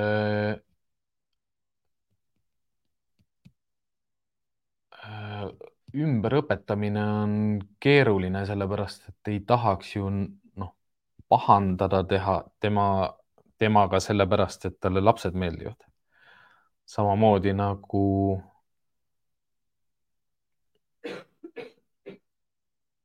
ei, ei ole mõtet ju seda karistada, sest karistad seda, et ta armastab nagu lapsi noh, ma ikkagi tegeleksin nagu ümberringi asjadega nagu, nagu sel ots-, noh, sel konkreetselt, sel, konkreetselt sellest nagu murest või tähelepanekust nagu väliste asjadega. nagu just, just nagu õpetamine, kuidas oma erutust kontrollida seda saab teha mänguga, mängu rohkem piire, reegleid ja korda sisse tuues, seda saab tuu teha toiduga. Ennem see toidukauss maha ei lähe, kui ta on maha rahunenud. osade koertega võid oodata tund aega, enne kui tal saba seisma jääb. noh, ma tean ühte tervitused Erkile. tean ühte Itaalia veekoera, kellel saba ei jäägi mitte kunagi seisma. noh, kunagi tõenäoliselt jääks, aga mina ei ole viitsinud siiamaani veel oodata ja see on just nagu mänguolukordades, eriti veel asjad, mida saab visata. et seda liigset, noh, mul endal on lihtsalt nii silma ees, ma olen neid Amstaffi kutsikaid näinud viimaste aastate jooksul nii palju, et nende see põhiline mure ongi see, et nad on terjerid. ja neid nunnutatakse, beebid, beebid tolgitakse, nende peale pahandatakse, nendega kurjustatakse, nendega arutletakse ja, ja, ja kujutatakse endale ette, et milline on konkreetne inimene. Terrieri ja Amstaffi puhul on nagu äh, suur mure see, kui nende koertega räägitakse liiga palju, vahet ei ole, kuidas sa räägid. kas hästi, kas halvaga, kas konkreetsusega, kas äh, noh, üks noh, üldse kuidagigi kõige parem nagu Terrieri ja Amstaffiga on see, kui teha talle iga enam-vähem nagu kõikides elu aspektides selgeks et mitte midagi ei hakka juhtuma, kui ta maha ei rahune. vastupidi sellele, et, et kui ta hommikul ärkab üles ta on kõrvad kikkis ja saba lehvib iga asja peale, iga pilgu peale, iga tere peale, iga tšau, mis teed, iga puudutuse peale, iga mänguasja peale, iga toidu peale, iga inimese peale, noh. ta ei oskagi olla rahulik, sest ta saab kogu aeg kinnitust ja preemiat selle eest, et ta on happy või noh, nagu erutunud. koera saab õpetada ju noh, eriti seitsmekuust koera oleks saanud juba õpetada. et rahu viib sihtmärgini, ootamine viib sihtmärgini. Ja just ka noh, lihtsad harjutused on ju kasvõi see, et ma võtan toidutüki koera nina juures, niikaua kui ta närib ja lakub seda, niikaua see pihk, pihk lahti ei lähe, kui ta rahuneb maha, siis, siis ta saab selle tüki. ja ma võin, noh, see on kõige lihtsam, kõige lihtsam asi, mida üldse saab teha, siia juurde võib panna sõna ei või oota. kui ta ootab, siis ta saab selle tüki. ma võin seda distantsi tekitada, ma võin seda kaua lahti hoida, niikaua kuni ma ise annan talle või ma luban tal selle võtta, kas ma õpetan sõna, mis lubab tal selle võtta või ma lihtsalt jäängi talle andma siis, kui mina arvan, et see on õige aeg. see on ju noh, siukseid harjutusi koertega kus ta peab ootama enne, kui ta uksest välja saab, ta peab ootama ennem, kui ta süüa saab, ta peab ootama ennem, kui ta autosse saab minna, ta peab ootama ennem, kui ta autost välja saab tulla. Ta peab ootama enne, kui ta koerte aedikusse saab minna, ta peab ootama enne, kui ta tuppa saab tulla, ta peab ootama ennem, kui ta kööki võib tulla, noh, ta peab ootama enne, kui ma palli viskan, ta peab ootama enne, kui ma haaret annan. et nagu seda ootamist ja rahu, seda saab nagu kogu aeg harjutada. ta peab ootama, kui ma koju jõuan. noh, ma tulen uksest sisse, ennem ma talle tähelepanu ei jaga, kui ta on maha rahunenud. Ma saan seda teha iga päev, mul ei ole mitte midagi vaja, mul pole ühtegi treeningvahendit vaja. mul on vaja iseennast, oma, oma mõistust ja oma käitumist. rahu. Mm, noh, ütleme Enge puhul jah, saaki minnes või noh mis ongi see erinevus, millest ma Engega rääkisin ka podcast'i väliselt, et äh, erutusel, hirmul ja saagil on nagu väga erinevad äh,, võib-olla täpselt üks ja sama suund liikumisel ehk siis liikumine ohu suunas, liikumine hirmu suunas, liikumine saagi suunas. võib, ei pruugi alati olla see, et, et koer on äh, saagis, võib olla lihtsalt, et koer on erutunud, võib olla ka see, et koer on hirmul ja tahab hirmu kõrvaldada. Aga ütleme jah, noh, ma saan aru siin sellest, ma isegi kujutan ette seda äh, ma olen palju selliseid Amstaffe ja üldse staffisid ja pullikaid praegu näinud, kes lähevad saaki tugevalt saaki ja noh, saagi käitumisega kaasnevad see lamama minek, äh, silmadega jälgimine, ootamine, kuni saak tuleb piisavalt lähedale. Aga siin on jälle see küsimus, et äh, kes lubas lamama minna, kui ta saaki näeb ja, ja noh, kes ootab ja vaatab nii kaua, kuni ta seda saagi käitumist nagu läbi mängib, et noh, jälle tulen natukene kerin jälle sinna täiesti algusesse tagasi, kus me rääkisime mootorratastest ja hirmust. Et kui koer kuula, kuuleb ja hakkab juba sellega tegelema, siis peaks sekkuma. samamoodi noonaga tuleks sekkuda ennem, kui ta saaki läheb ja hakkab tegema noh, ühte-teist kangestumist või kõrvad püsti või noh, ma saan aru, et siin on selline äh, äh, mm. -hmm. siin on selline nagu ebakõla või selline äh, teatud nagu arusaamatus nagu sees, sellepärast et äh, kui, kui ma räägin sellest, et koer peab jalutama kõrval või taga, siis ma tihtipeale ei näe seda, mida ta teeb. aga kui ma tean oma koera ja tean, mille peale ta keskkonnas reageerib, siis ma ka teatud sellist silmaga piilumist ma kasutan ka väga palju päiksepaistelistel ilmadel, kasutan koera varju ära, et näha, mida ta kehakeel teeb. Miks ma varju pealt vaatan, on just sellepärast, et ma ei taha, et ta teaks, et ma vaatan miks see on oluline, on sellepärast, et aidata tal õppida. et ta, et nad ei hakkaks mängima seda, mida ma tahan. targad, kõik koerad on targad ja nende häda ongi see, et nad õpivad ära, mida sina teed. kui sul on mingid asjad, mis sulle ei meeldi, milline on su kehakeel, kui sa hakkad midagi tegema ja milline su kehakeel, mis ennetab mingit käitumismustrit või tegevust, mida sina teed, kui koer teeb midagi valesti. ja kui sa ei taha, et hakkaks neid ennetama, siis kasutada rohkem selliseid, sellist kehakeelt ja selliseid vahendeid nagu äh, klaasid, aknad, peeglid ja vari et mõista koera kehakeelt läbi selle, et olen teinud ka niimoodi, et ma filmin koera äh, telefoniga ehk siis ma ei vaata koera, aga ma vaatan koera telefonist. ja ma saan, kui ta on mul rihmas, siis ma saan temaga suhelda. noh, kui ta, kui ta on rihmas, ma saan temaga suhelda. vahet ei ole, mida ta teeb, minu poolest äh,,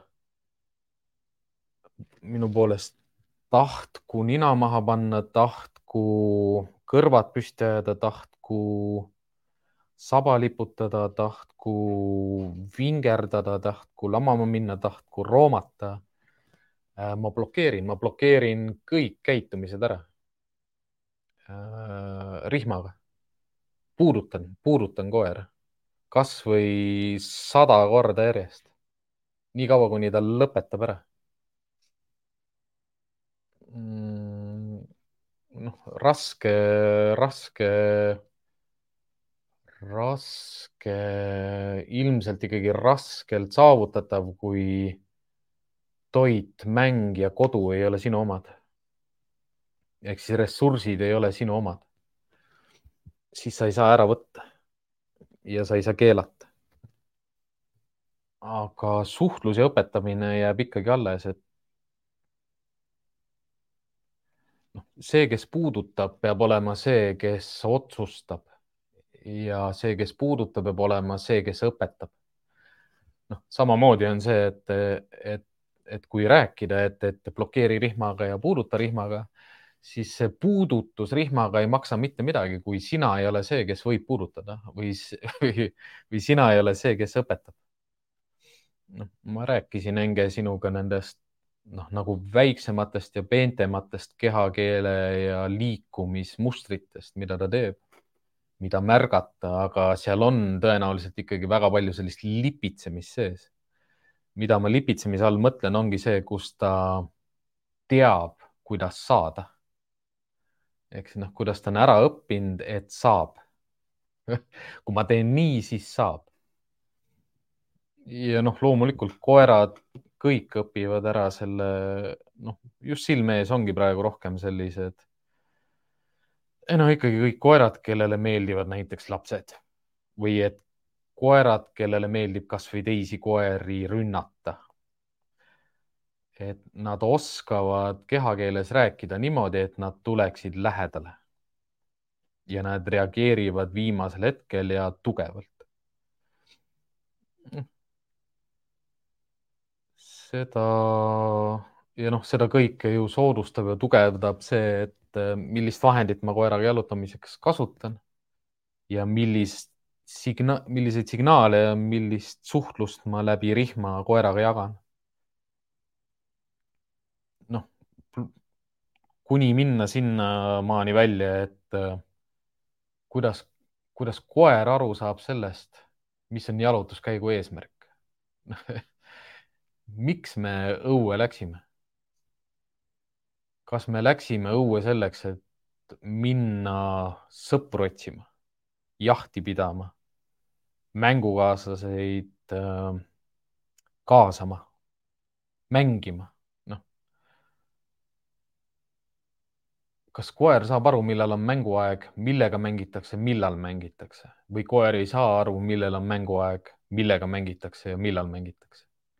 Noh, samamoodi. Ei, ei saa karjuda koerale, et need on reeglid ja, ja kord ja piirid ja piirangud, ei saa seletada, ei saa treenida, noh, selles mõttes, mida sa treenid, näed last ja siis pakud mängu asemele või? Pakud, pakud erutusele erutustasemele. kui sa tahad, et ta tegelikult rahuneks. Et see ongi ju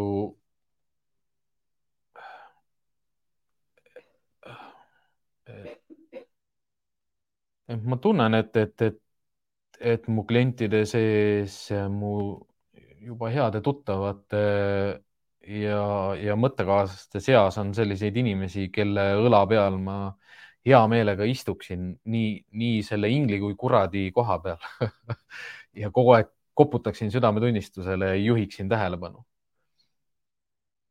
ja noh, jälle see mõte läheb sinna, mida, mida Enge, mida ma Engega olen rääkinud ja, ja mida peab tegema, on, on need äh, koera käitumise workshop'id, et ma ei tea, selle nimi võib vabalt olla, et kuidas koerad käituvad töötuba koerasõpradele. et teeme ära millalgi. Mm, Hanna küsib või jagab oma mõtet. Äh, meil kuuekuuse Ausi poisiga on hetkel nii, et jalutama minnes õue jõudes hakkab kohe rihma närima. mina olen mõistnud seda kui erutusena mängusooviga tavaliselt, siis me mängime ikka natuke enne äh, kõige konkreetsem ja lühem vastus on sellele ei, ei mängi, sest koer ei alusta mängu. noh, siin ongi see, kus oh,, kus eksit-, võib-olla ei eksita palju või minnakse liiga tihti koera, koera sotsiaalse mänguga tähelepanumänguga, juhtimismänguga, jõumänguga kaasa tema algatusel.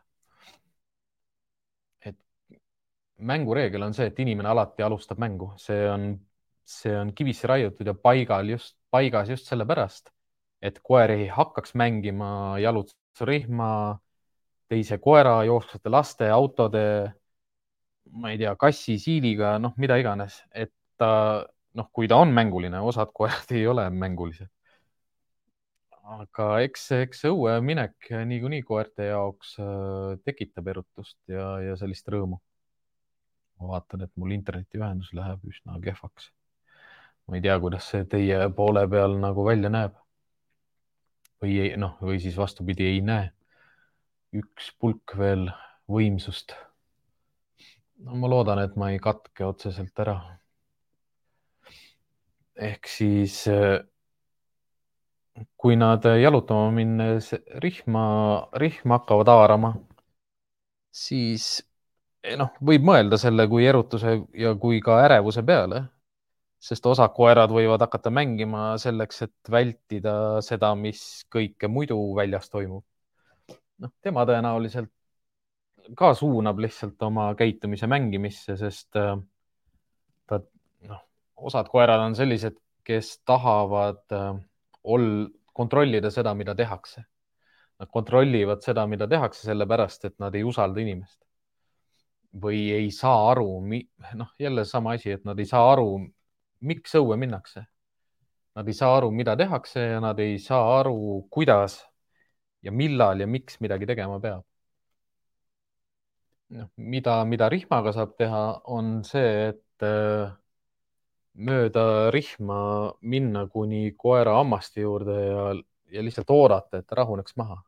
noh, häälega ei saa keelata, sellepärast et ta võib hääl, häälest toituda ja erutuda veel rohkem ja hakkab veel rohkem äh, rihmaga mängima. samamoodi ei saa edasi jalutada ja lasta tal rihma kanda, samamoodi ei saa rihma ära tõmmata tal hammaste vahelt, sest siis ta järgmine kord hoiab veel kõvemini kinni, iga korraga järjest rohkem kinni äh, hea, hea tehnika ongi seal, võtan siit endale lihtsalt ühe rihm, mitte oma rihma, vaid mingi püksirihma. noh, ütleme, et kui koer hoiab siit kinni, siis ma lähen mööda rihma lihtsalt alla kuni tema suu juurde. mis selle, selle osa olulisus on, et see ei tohi liikuda edasi-tagasi, üles-alla ja paremale-vasakule, see peab olema paigal. Kui mul on vaja seda paigal hoida, ma võin teiselt poolt ka kinni võtta, oodata, kuni ta maha rahuneb, ma võin öelda rahulikult ei, aitab, ei, lase lahti, oota, ei. lõpetab ära, liigun edasi, reaktsiooni, õpitud reaktsiooni tõttu ta haarab sellest uuesti kinni. uuesti läheb käsi siia, jälle rahu, ootab, kuni maha rahuneb, laseb lahti, liigun edasi. kuna rihm liigub tema silma ääres ja ta on ausi, siis äh, reaktsiooni tõttu ta haarab sellest uuesti kinni. kohe jääd seisma, jälle uuesti siia, jälle ei, tasa. ja, ja proovi edasi liikuda ka niimoodi, et ta ei näe rihma oma, oma, oma selle silma ääres liikuvas, liikumist. sest äh, ausi, ütleme, noh, lambakoerad on harjunud ja treenitud selleks, et nad näksaksid Äh, lammaste kandasid ja, ja, ja nii-öelda jalgu, nad juhivadki noh, lambaid näksates. ja kuna, kuna ta on päev läbi ilmselt noh, toas olnud või paigal olnud, siis ta õue minnes ongi nagu energiat täis. Ta peab saama midagi teha. aga see, mida me tegema hakkame, ei ole äh, jalutusrihmaga mängimine teiseks see, mis me tegema hakkame, on äh, esialgu ikkagi lihtsalt rahulikult jalutamine, äh, sihiga jalutamine. mida kindlasti tee, on see, et mänguasjad võta kaasa, aga mänguasjad ei ole nähtaval ja kättesaadavad. ehk siis ta ei tohi saada neid ise valides puudutada. isegi kui ta ei hakka mängida, mängima, aga ta saab katsuda, siis on juba noh, rong läinud mänguasjad peavad nii ära olema, et ta ei saa neid katsuda, võib võtta suvalisel ajal ise kasvõi korraks, kasvõi huultega vastu minna. mänguasjad on kaasas, rihma ei näri, liikumissuund on otse edasi, ma tean, kuhu ma lähen. tavaliselt ma tean ka seda, et kus ma saan siis temaga lõpuks mängida. Ma ei hakkaks temaga kohe mängima, sellepärast et ta lihased ja liigesed on külmad. ma tahaks ikkagi saada sinna eelnevalt mingi liikumise sisse. ma kujutan ette, et see on niisugune kaks, kaks pool kilomeetrit vähemalt, kui mitte rohkem ja ma valin selle koha, kus ma temaga mängin, kus minul on ohutu ja tal on ohutu ja mina alustan mängu. ja ma pakun talle võimalust endaga mängida. on selliseid koeri, kes ei viitsi mängida, kes ei taha seal kohas sellel ajal mängida, noh, ei ole hullu, äkki homme, äkki ülehomme. ma keelan, pidurdan ja rahustan ta maha nendes mängudes, mida tema tahab mängida, kus ta reaktiivselt valib neid mänguaegu vastavalt oma sisemaailmale, mis võib olla erutusest ja stressist või ärevusest, mida põhjustab lihtsalt arusaamatus sellest, mida me hakkame tegema, kuhu me läheme, miks me läheme. ma võin eh, vabalt, kõik inimesed võivad õpetada oma koerale seda, et kui me õue lähme, siis hakkab pidu pihta kui ma koju jõuan, siis hakkab pidu pihta, kui lapsi näed, siis on pidu, kui, kui teist koera näed, siis on pidu, aga me võime täitsa vabalt inimesele, koerale õpetada ka seda. kui ma koju tulen, siis on rahu, kui me õue lähme, siis on rahu, kui me lapsi näeme, siis on rahu, kui me teisi koeri näeme, siis on rahu. Mina olen rahu, minu juuresolek on rahu, minu juhendamine ja turvalisus on sulle rahu ja annab sulle rahu ja rahustab sind ja hoiab sind rahulikult, mitte äreva, erutuna, hirmunu ja stressi stressi täis koerana?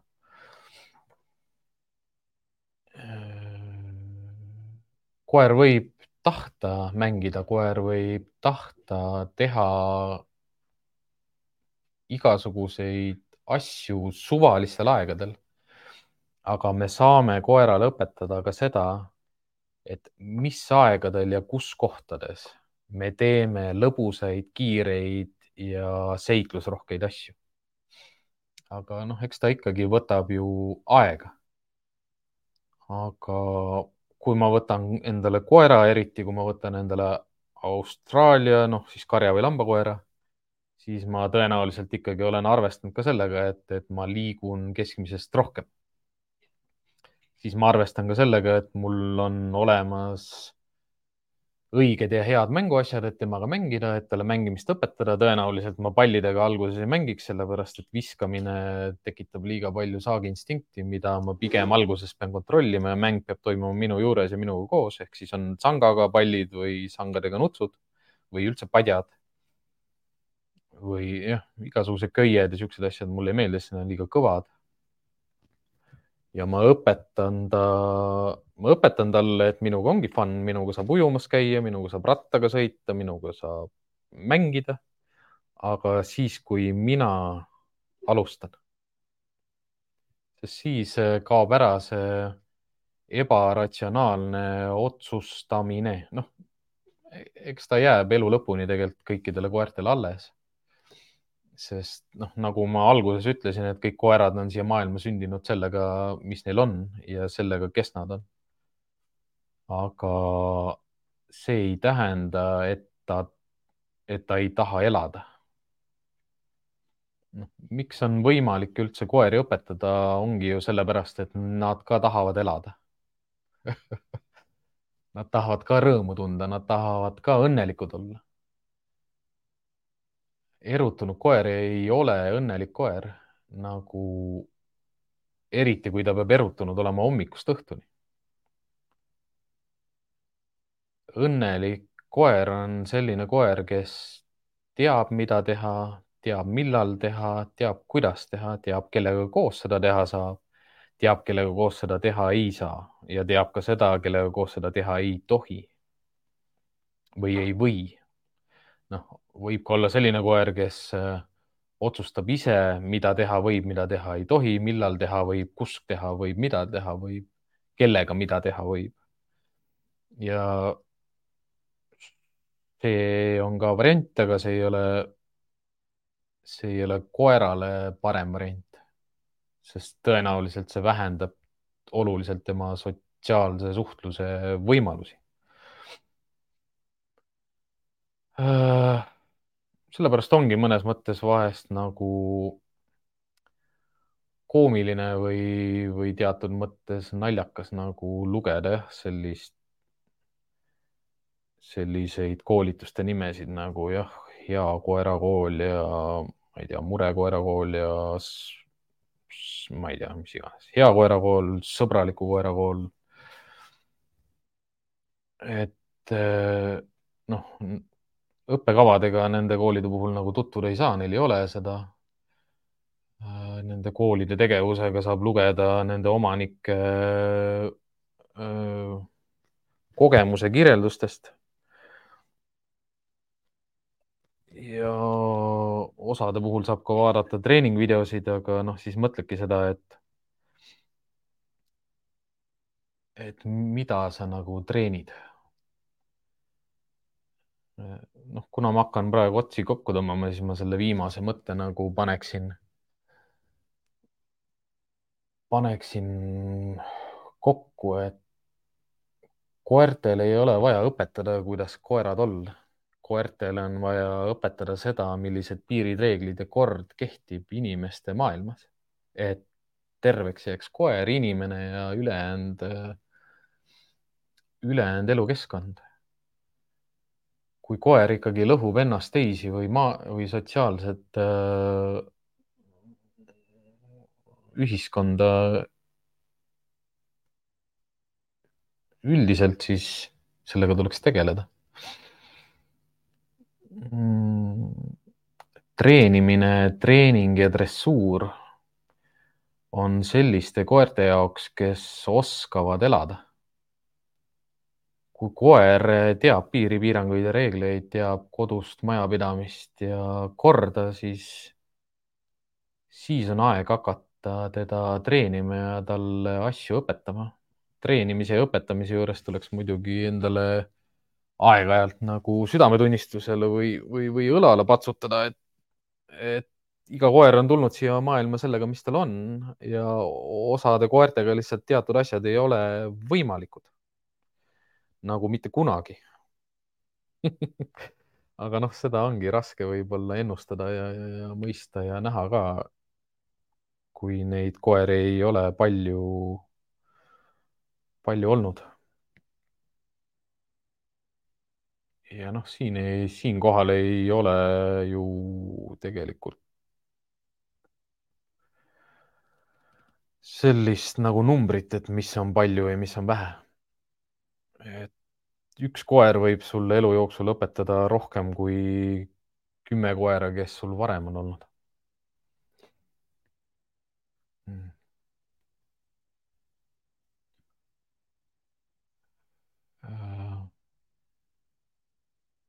noor, seda tehnikat siis Hanno proovib ja, ja soovib ka teada, et kas ka noor koer mõistab, kui talle treeningrihmaga hakata jalutamist õpetada, näiteks slipliidiga kõrval kõndimist, et kas kuuekuune mõistab seda.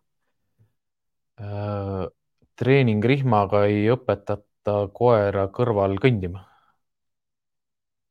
treeningrihmaga õpetatakse koerale, kes otsustab ja ja kes teeb neid otsusi hästi. jalutamistreening võtabki sellepärast kaua aega, et kuna koera on vaja viia läbi väga paljudest erinevatest otsustest. koer ei õpi kõrval käima, ta õpib ära oma positsiooni karjas. see ongi, see ongi nagu huvitav, et, et jah, tõepoolest osade koertele peab õpetama kõrvalkäimist. ja võib-olla ta jääbki elu lõpuni teatud sellise kontrolli all kõrval käima, aga väga paljud koerad, äh, sa ei pea neid õpetama kõrval käima, nad ise käivad seal, nad ise käivad su kõrval, nad ise käivad su taga, osad koerad käivad väga kaugel taga. Mm, noh, mitmed koerad, noh, koera populatsioonis on, mul praegu lihtsalt jookseb silme eest läbi kõik need erinevad tõud nendest koertest, kellega ma jalutamas olen käinud, kes, kellest osad käivad väga taga, aga nad ei jää, nad ei kaota sind mitte kunagi ära ja nad tahavad sinuga koos olla. aga nad tahavadki kaugemal olla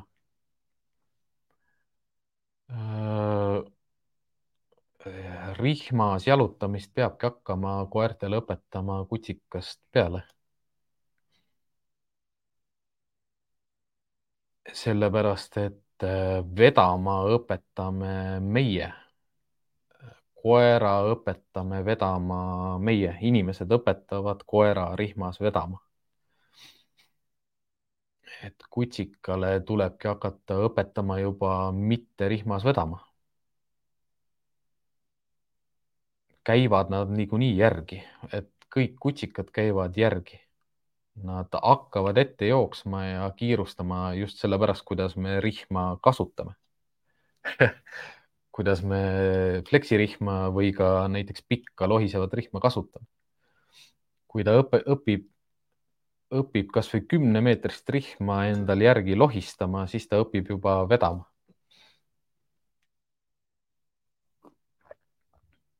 ja kui koeral jääb karjas positsioon arusaamatuks, siis loomulikult ta trügib ette. et noh, ma ei tea sellist koera, ma ei tea sellist kutsikat, kes ei, kes ei suuda aru saada, kus on tema positsioon karjas. mitte, mitte selle järgi, kui palju ma ta peale karjun vaid selle järgi, kes mina tema jaoks siin maailmas olen. koer järgneb rahulikule, enesekindlale ja lahkele juhile. koer ei järgne konkreetsele, karmile ja kontrollivale juhile kontrolliv juht peab ka koera austuse välja ja usalduse välja teenima. noh, on selliseid perioode koera treeningus, noh, eriti kui noh, kasvõi võtta mind, et, et kui mulle tuleb külla, noh, ma tean mitut koera praegu, kes võiksid mulle külla tulla ja kes võtavad mind kui, kui karistajat, sest, sest nende inimesed on äh, hellus ja armastuse hunnikud, siis isegi nagu vale silmapilk on karistus osade koerte jaoks. aga minu soov ega südametahe ei ole mitte kunagi ühtegi koera karistada. aga ma ei saa ju midagi teha, kui, kui lihtsalt, kui lihtsalt see, kes ma olen, on selle koera jaoks karistus. ma ei saa seda ära kaadata, ma ei saa ka järeleandmisi teha ja kuuekuune mõistab seda nagu väga hästi, sest kuuekuusel koeral on hambad juba vahetunud ja sotsiaalsed rollid karjas olulised.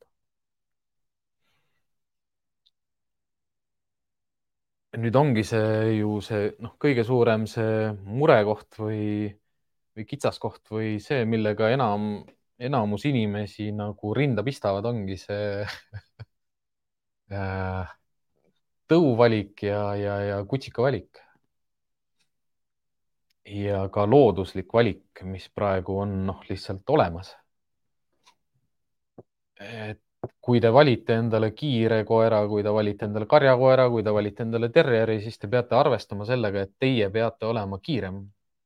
Te peate olema teravam ja te peate olema parem, parem mängija, parem suhtleja, parem sotsiaalsetes äh, olukordades, aus, aus, usaldusväärne ja selge sihiga teha koostööd, mitte, mitte kätte maksta, mitte, mitte norida, mitte nokkida, vaid teha koeraga ja loodusega koostööd. aga jah, tänaseks, no ma ei mäletagi, millal see podcast on täna väga huvitav olnud ja need küsimused ja mõtted on, võivad minna edasi nagu pikalt, sest siin see teemaarendus oleks nagu Äh, veel väga pikalt edasi minev, sellepärast noh, kui, kui on vaja erinevatele inimestele seletada erinevate tõugude olemust läbi nende erinevate tõugude võimekuse, vajaduste ja, ja selliste tõuliste eripärade, siis noh, mingile Malta koera omanikule ma ei räägi seda, et kas sa jooksed oma koerast kiiremini, aga noh ütleme, Austraalia hambakoera omanikuna ma paneks küll sellise väljakutse, et kas sa jooksed oma koerast kiiremini. kas sa oled oma koerale tõestanud, et sa oled parem? et sa oled kiirem, et sa oskad leida toitu, et sa, et sul on kõige paremad mänguasjad, sa oled kõige parem mängukaaslane.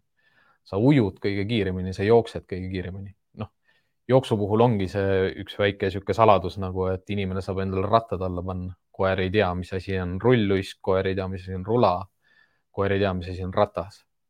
noh, koer ei tea ka, mis asi on auto, aga ma ei soovi, ma olen näinud, kuidas inimesed sõidavad autoga niimoodi, et koer jookseb kõrval, aga ma ei soovita seda teha, sest seal on lihtsalt liiga palju liikuvaid asi, kus võib minna väga kiiresti ja asjad väga valesti aga jah, ikka see mõte jääb samaks, et mida tugevam, suurem, kiirem tõuk sul on, kas sa suudad talle tõestada, et sa oled parem. noh, miks seda on vaja teha, on sellepärast, et ta austaks sind. Usalduse sa võid niimoodi kätte mängida seal oma pesade, mänguasjade ja toiduga ja helluse jagamisega, aga austust sa ei teeni välja Äh, koera ära ostes.